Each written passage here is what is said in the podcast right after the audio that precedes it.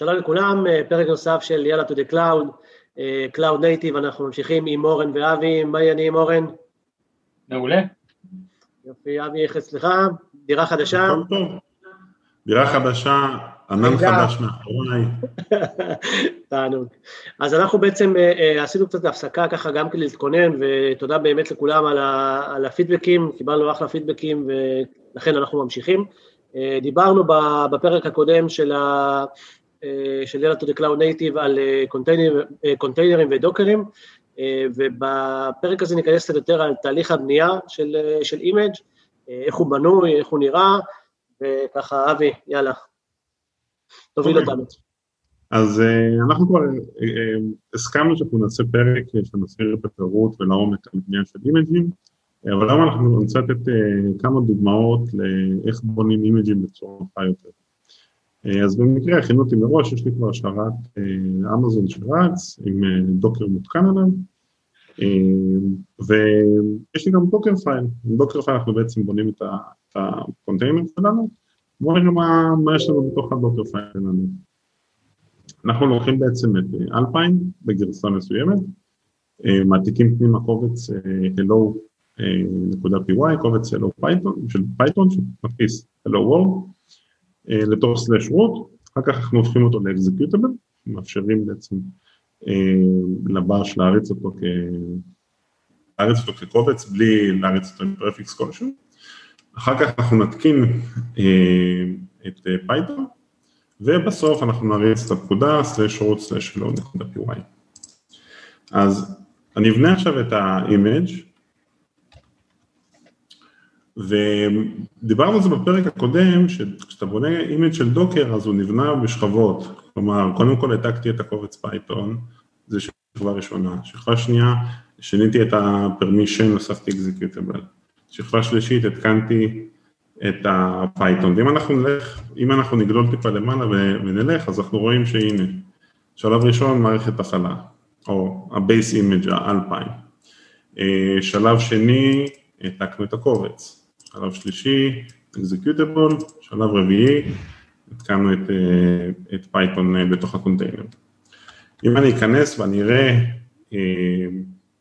מה המשקל של, ה, של ה image שבנינו, אז המשקל שלנו הוא 50 מגה, שזה ממש כאילו קונטיינר הזה, שאם אני רוצה להוריד אותו, אז אני יכול להוריד אותו מהר, אם אני צריך לשכפל אותו על cluster, אז אני לא מפוצץ את הדיסק מהמון אימג'ים.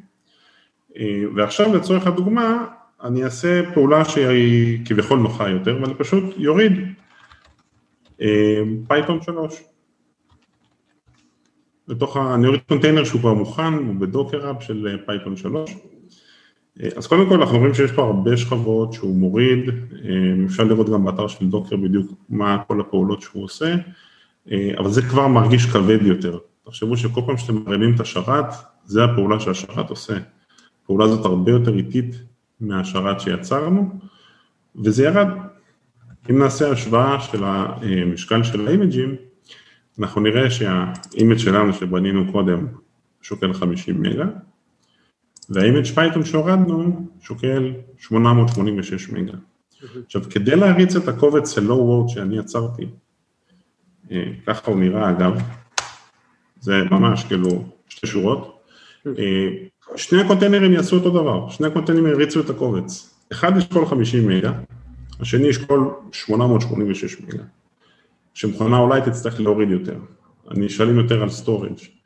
אם אנחנו מדברים על סביבה שהיא on-prem, אז ה throughput של השרת אימג'ים שלי, אני יכול בעצם לגמור את ה throughput שלו ואז ההורדות יהיו יותר איטיות, אולי של ה scaling תהיה יותר איטית.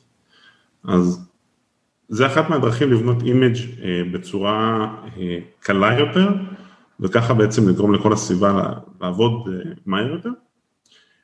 וזה הדבר הראשון. אורן, משהו שאתה רוצה להוסיף בנושא? כן, בדיוק באותו נושא, את ה scale של כמות הקונטיינרים וכמות האימג'ים שאתה הולך להרים בסופו של דבר הולכת וגדלה אקספוננציאלית, זה אומר שככל שתהיה רזה ב image ספציפי, ככה תשפיע אחר כך על כל הסביבה שלך, גם בשדרוגים של גרסאות בייצור וגם בשינויים שאתה תעשה על הסביבה שלך, אז זה בהחלט חשוב ומשמעותי. עכשיו, דבר נוסף שרציתי להראות, ואני די בטוח שהאנשים שמנוסים כבר, מנוסים בזה כבר אה, חשבו על זה, כשהם ראו את ה Dockerfile, אמרנו שה Dockerfile נבנה לפי שלבים. אם אני משנה את הקובץ, את hello.py, אם אני אוסיף בו עוד שורה, אז Docker מזהה את זה וצריך לבנות את השכבות מחדש, כלומר, מהשכבה הזאת והלאה, כל מה שאחרי הוא צריך לבנות. עכשיו, אני מתקין בסוף את ה Python.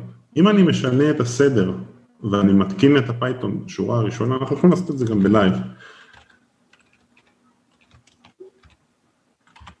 לא הקובץ הזה.